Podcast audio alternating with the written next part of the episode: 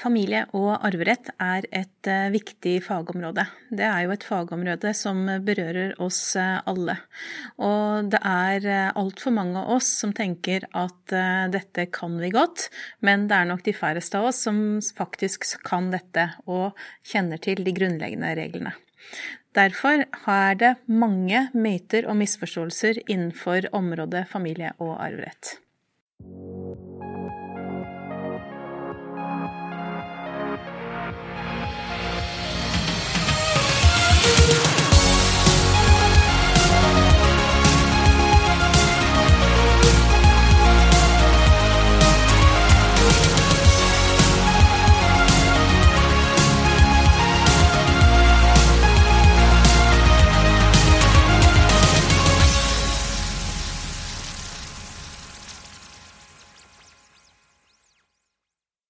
Velkommen til eh, Tennenkast, en podkast som tar for seg ulike temaer innenfor eh, familie og arverett. Og som vanlig her i dag så er det advokat Hanne Skram Espeland. Hei, hei advokat Kristen Agrup. Hei. og meg selv, advokat Lene Marie Aas Torstensen. Vi jobber i Tennen advokatfirma og har bred erfaring innenfor familie og arverett. Og dagens tema, det er jo egentlig et tema vi har gledet oss litt til. Det er jo da myter og misforståelser innenfor familie og arveretten. Fordi eh, er det et fagområde det er en del myter og misforståelser, så er det jo nettopp på dette fagområdet. Og det møter vi mer eller mindre daglig. Eh, og derfor tenkte vi å, å sette litt eh, lys på enkelte misforståelser som er der ute. Og hvis vi begynner med ektefeller og felleseie, så er det jo sånn at um, hvis man ikke ikke har eh, opprettet en ektepakt og man er gift, så har man jo i utgangspunktet det som kalles felleseie. Eh, og det betyr jo at verdier man har skal deles eh, likt i utgangspunktet ved en skilsmisse og ved et dødsfall. Vi hører jo veldig ofte folk som kommer til oss, og som da har lovens normalordning, felleseie, og, og, så er man kanskje en forestående skilsmisse, separasjon. Og så sier de at ja, vi har felleseie, vi har ikke laget noen ektepakt, men vi har separat økonomi. Det er det veldig mange som tenker at uh, er helt greit, men ekteskapslovens regler er jo ikke tilpassa dette.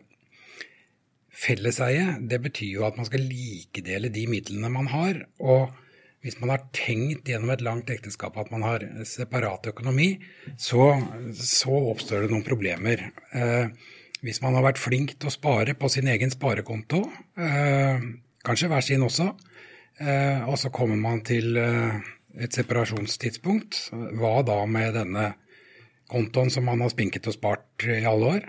Jo, den skal selvfølgelig deles. Det er felleseie. Så så langt var det separat økonomi.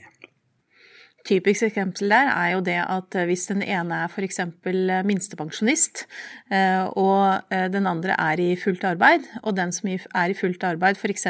har barn fra tidligere, da er det ikke ukjent at den som er minstepensjonist, sparer opp en del av pensjonen sin på en eh, sparekonto, som skal være da en buffer eh, og midler man ønsker å beholde for seg selv, sånn som du skisserer, Kristen, den dagen, eller hvis man blir alene og er den som lever lengst. Og I sånt tilfelle så ber man jo lage en ektepakt for å, for å sikre at den innestående på den kontoen f.eks. er særeie. For da skal du ikke deles likt. Nei, og Det fins muligheter til å avtale gode løsninger, men, men eh, da må det avtales spesielt. Mm. Og det også som vi ser, er at mange tenker at eh, inntekt, arbeidsinntekt, at det ikke er felleseiemidler. Eh, og i forlengelse av det så er det jo også mange som driver sitt eget selskap, eier alle aksjene, og det er jo ens egen arbeidsplass. Eh, og forstår veldig lite av det at eh, verdien av det selskapet skal deles med eh, ektefellen ved skilsmisse eller ved død.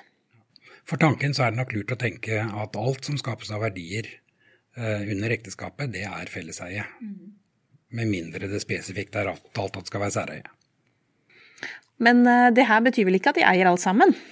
Nei, for det er også en typisk eh, misforståelse at man tenker at, eh, at man ikke forstår helt forskjellen på begrepet felleseie og sameie.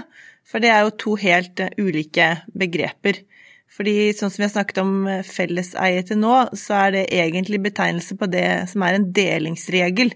Altså, den kommer kun til uttrykk ved en delingssituasjon. Så ved en skilsmisse eller ved dødsfall så skal formuen i utgangspunktet deles likt. Men det er ikke en regel som sier noe om hvem som eier den enkelte eiendel. Eh, det eh, er jo det da sameie-regelen, eh, f.eks., eller eneie.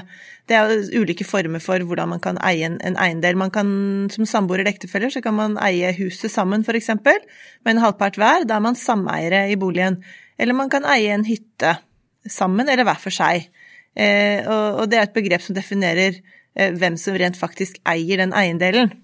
Eh, mens felleseie det er en delingsregel som sier at hvis en eiendel er eiet av den ene eller andre eh, og skapt sammen under ekteskapet, så skal verdiene deles likt ved en delingssituasjon. Så jeg har f.eks. hørt at noen sier sånn f.eks.: Ja, nå er vi jo gift, så nå eier vi jo nå eier jo du huset, halvparten av huset mitt, siden vi har felleseie. Og det er en typisk myte, det er helt feil. Altså, man eier fortsatt det man eier, mm. selv om man er gift. Ja, og forskjellen på felleseie og særeie eh, trer jo typisk først frem da, når man plutselig skal dele. Ja, Sameie mener du? Felleseie og sameie? Unnskyld, ja. ja. Sameie. Mm. Ja. Helt riktig. Mm. Og, eh, men så har vi jo snakket om eh, felleseie. Verdier som skal deles likt. En annen myte, eller en misforståelse i, eh, på dette området mellom ektefeller, er jo det at mange tenker at så lenge vi ikke har avtalt noe særeie, og har en ektepakt på at noe skal holdes uten fordeling, så skal alle verdier deles likt. Sånn er det heller ikke bestandig. For vi har jo noe som heter skjevdeling. Det vil jo si at verdier man hadde med seg inn i ekteskapet, eller arv eller gave man har fått underveis i ekteskapet, det kan man kreve å holde utenfor, enten ved en skilsmisse eller ved død. Og et typisk eksempel er jo hvis en av partene har med seg en eh, leilighet, f.eks., inn i ekteskapet, eh, og den leiligheten eh, var belånt i svært liten grad, så kan man kreve å holde skjevdelt den verdien av den leiligheten man hadde med seg inn, altså nettoverdien, eh, ved et dødsfall eller et samlivsbrudd. Men en forutsetning er at verdien fortsatt er i behold. Eh, og dette kan komme som en stor overraskelse på ektefeller som, eh, hvor da den ene har barn fra tidligere. Da kan disse barna fra tidligere, i forbindelse med et dødsfall, komme og si at nei, vet du hva, min far hadde med seg denne leiligheten inn i ekteskapet, og nå krever vi å holde nettoverdien av den leiligheten uten fordeling. Og det gjør jo at det skaper usikkerhet for lengstlevende, f.eks.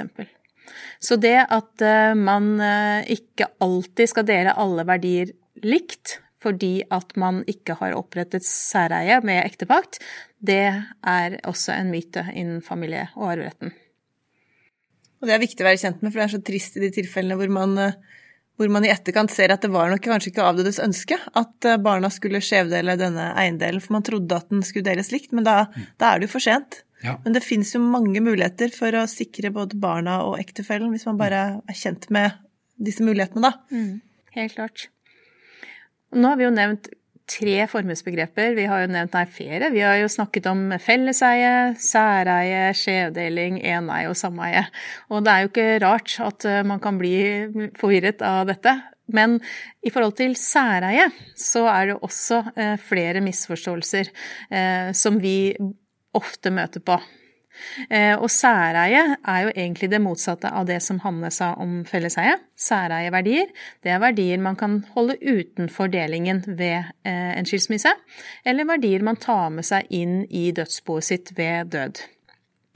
Ja, det er da også dette med særeie. Det kan jo da enten oppstå ved at ektefellene avtaler at eh, enkelte eiendeler skal være særeie, eller at man arver en eiendel, og at giver da i testament eller gavebrev setter som forutsetning eller som, en klausul at denne eiendelen skal være vedkommendes særeie. Og i et slikt tilfelle så har man jo da en eiendel som er i særeie. Og mange tror at eh, eiendeler som er eh, i særeie, også betyr at, at, det også har virkning for ektefellens arverett til disse særeieeiendelene. Hvis den ektefellen som har særeiemidler, dør, at disse særeiemidlene da, fordi de er særeie, går rett til livsarvingene i kraft av å være særeiemidler, og at ektefellen ikke har noe arverett til særeiemidler. Og det er feil. Det er jo sånn at når man beregner arven til, til, ektefellen, så er det sånn at hvis man ikke har testament, så arver ektefellen en fjerdedel av det man etterlater seg. Og når man skal se på denne kaken som man skal skjære den en fjerdedelsdelen ut ifra, så jo, vil jo denne kaken til den ektefellen bestå av både særeiemidler og felleseiemidler. Sånn at man arver i verdimessig en fjerdedel av særeiemidlene også, hvis man ikke har avtalt noe annet. Så hvis man f.eks. gir aksjer i et familieselskap som særeie til et barn, eh, og dette barnet da dør, så må barnet selv også lage et testament hvor man testamenterer aksjene videre til barna. Hvis man ønsker at ektefellen ikke skal arve en andel av dette selskapet, da. Det er ikke nok å bestemme at det skal være særeie, man må også presisere i testament hvordan arven skal fordeles ved død.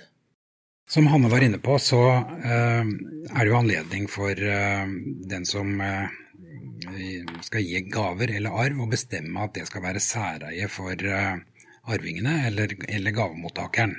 Det er ganske vanlig bestemmelse å ta inn i testament f.eks. at all arv etter meg skal være mine arvingers særeie. Eh, og så er det mange som tenker at eh, når en ting da Hvis man tar som eksempel da en hytte f.eks., at hytta skal tilfalle den og den, og det skal være eh, særeie for vedkommende, eh, så tenker man at da er den hytta særeie for all tid fremover. Sånn er det ikke. Eh, det er særeie for den som mottar gaven, men bestemmer ikke noe videre for hva som skal skje i neste omgang, hvis eh, den går i arv ett ledd videre. Så særeie er eh, liksom knyttet til formuesordningen og ikke til de enkelte tingene. Da vi snakker om det med, med rett til, eller særeie, da, så er det jo også flere myter ute og går. Uh, og en av disse det er jo det at uh, hvis vi tenker oss at det er to ektefeller uh, som har felles barn, og ingen særkult barn, de har ikke noe barn på hver sin kant, kun felles barn, da er det mange som tror at de har rett til å sitte i uskiftet bo med alt det førstadøde etterlater seg. Ja, det har man hvis man kun har felleseiemidler, men hvis den som dør først har særeiemidler, så har man ikke etter loven rett til å sitte i uskiftet bo. Da må det inngås en avtale om det. Eh, og det man da må, er å enten skrive testament eller ektepakt hvor det fremgår at man har rett til å sitte i uskiftet bo. Et annet alternativ er jo da at uh, arvingene uh, aksepterer det og tillater at man får lov til å sitte i uskiftet bo med særeie. Men det må altså, for å være helt trygg på det, så må det ned i ektepakt eller uh, testament. Vi har sett at det har oppstått noen vanskelige situasjoner i praksis nettopp på dette, hvor, hvor f.eks. en fritidsbolig, eller bolig for den saks skyld, som er avdødes særeie, da går direkte til barna, og så kan ikke Kanskje ektefellen da eh, fortsette å bruke fritidseiendommen eller bo i boligen. Eh, ektefellen vil i hvert fall være avhengig av barnas samtykke til å gjøre det. Det er veldig synd at det får sånne konsekvenser bare fordi man egentlig misforstår en regel som man veldig enkelt kan gjøre noe med, da. Ja. Og bakgrunnen for at man ikke kanskje har anledning, er jo fordi at da har man jo eh, Da må man løse ut barna av eh, verdien av boligen. Og hvis ikke man har et testament, så er jo det egentlig tre firedeler av verdien man må løse ut barna med. Mm. Ja, og så er det jo ikke alltid situasjonen er sånn at det er så lett å få til gode avtaler med barna. Dessverre. Ja, det er mange myter og misforståelser på familieområdet og innenfor arveretten. Det er noen når det gjelder barnas arverett også. Ja, for det er mange som, eh, som tror at uh, pliktdelsarv og barnas arverett, at det er det samme. Det er det ikke. Det er sånn som du var inne på nå, Lene, så skiller vi jo litt uh, Hvis vi begynner med barnas arverett, da, så er det jo sånn at hvor mye barna arver, det avhenger egentlig av om mor eller far er gift eller samboer. Hvis mor eller far ikke er gift eller samboer, så arver barna alt. Hvis mor eller far er gift, så arver jo gjenlevende ektefelle en fjerdedel, og så arver barna den resterende tre fjerdedelen etter avdøde, eh, som da fordeles likt mellom barna.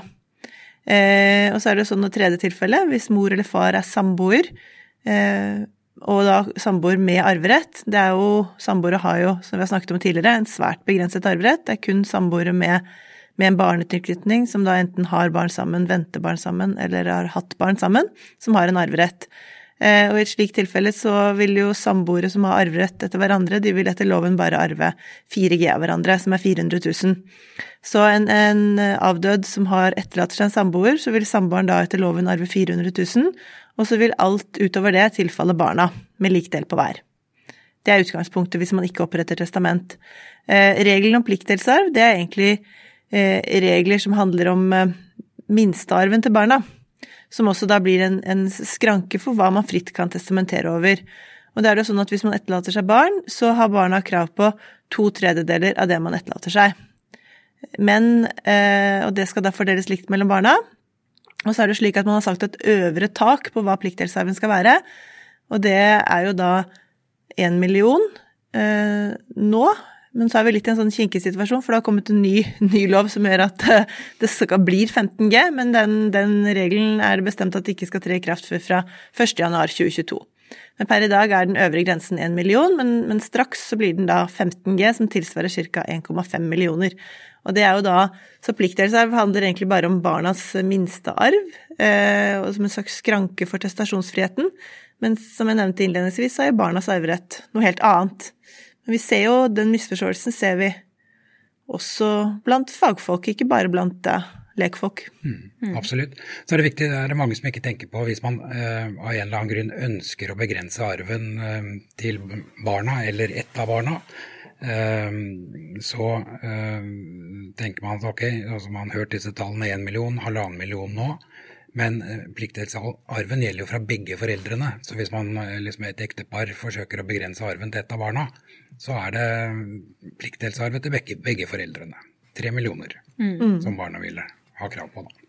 Og så er det, eh, det er to tredjedeler fordelt på barna. Eh, og så er det maks én million, eller snart da eh, 15G per barn. Eh, for der også ser vi at mange foreldre tror at det er én million fordelt på barna. Mm. Ja, nå har vi snakket litt om eh, myter og misforståelser eh, når det gjelder barnas arverett. Så er det vel passende å snakke litt om myter og misforståelser når det gjelder samboers arverett også. Det er ikke sjeldent at vi hører at folk sier til oss at eh, de er kjent med og har hørt fra venner og naboer at samboers arverett etter loven er likestilt med ektefellens arverett dersom man har vært samboere i minst fem år. Det tror jeg vi alle tre her kan skrive under på at vi har hørt uh, ofte. Det er ikke bare én gang. Det er ikke bare én gang. Uh, og sånn er det ikke. Uh, det er det veldig viktig å være klar over. Et samboers arverett den er svært begrenset i henhold til arvelovens regler. Det gjaldt både den gamle arveloven og den nye nå, som trådte i kraft 1.1.2021. Hvis man har krav på arv som samboer, så har man kun krav på 4G, som er sånn ca. 400 000. Og det er jo da G er jo folketrygdens grunnbeløp. Um, og det er kun de samboerne som har en barnetilknytning, som Hanne nevnte i sted. De samboerne som har barn sammen, venter barn sammen eller har hatt barn sammen, som har krav på arv etter loven. Der, den femårsregelen, det tror jeg kommer av at vi har en minstearv for samboere. Som sier at eh, Eller minstearv, den 4G er minstearven. Eh, og det er slik at hvis avdøde eh, etterlater seg kun 4G, så arver samboeren alt. Og barna arver ikke do. Og så er det slik at hvis man ønsker det etter å ha vært samboere i minst fem år, så kan man testamentere til hverandre en rett på en minstearv. Men da må man skrive et testament, eh, og ved testamentet så kan man testamentere denne minstearven til eh, lengstlevende samboer. Ja, som et ytterligere bidrag til misforståelsen, så tror jeg kanskje også når det, eh, i det innledende arbeidet med den nye arveloven, så var det foreslått å styrke samboerens rettsstilling kraftig. Men det ble jo ikke noe av. Så, så, alle som husker overskriftene fra den gangen, kan nok sitte, lett sitte igjen med det inntrykket at det ikke er så stor forskjell på ektefeller og samboere. Ja. Men det er ikke riktig. Nei, det er ikke riktig. Og det er du helt sikkert rett i, Kristen. Og det hadde jo noe med det at man lenge trodde at man skulle styrke samboerens rett på arv ved den nye loven. Så sånn ble det ikke. Så det er mange misforståelser ute og går. Det som er eh, skummelt, er om man da foretar disposisjoner, skriver testamenter og legger til rette for et fremtidig arveoppgjør basert på disse misforståelsene. Eh, og det ser vi jo skjer, dessverre. Så vi håper vi nå har lagt til rette for litt mer opplyste samtaler rundt kjøkkenbordet. Ja. Om spennende temaer. Helt klart. Og da egentlig tror jeg vi bare skal avslutte med å si at dersom du vil eh, vite mer om ektefelle hvem eier hva, samboere hvem eier hva, ektefelle hvem arver hva, og samboere hvem arver hva, så har vi spilt inn egne episoder om det som eh, det går an å lytte på. Takk for oss. Takk for oss. Takk for oss.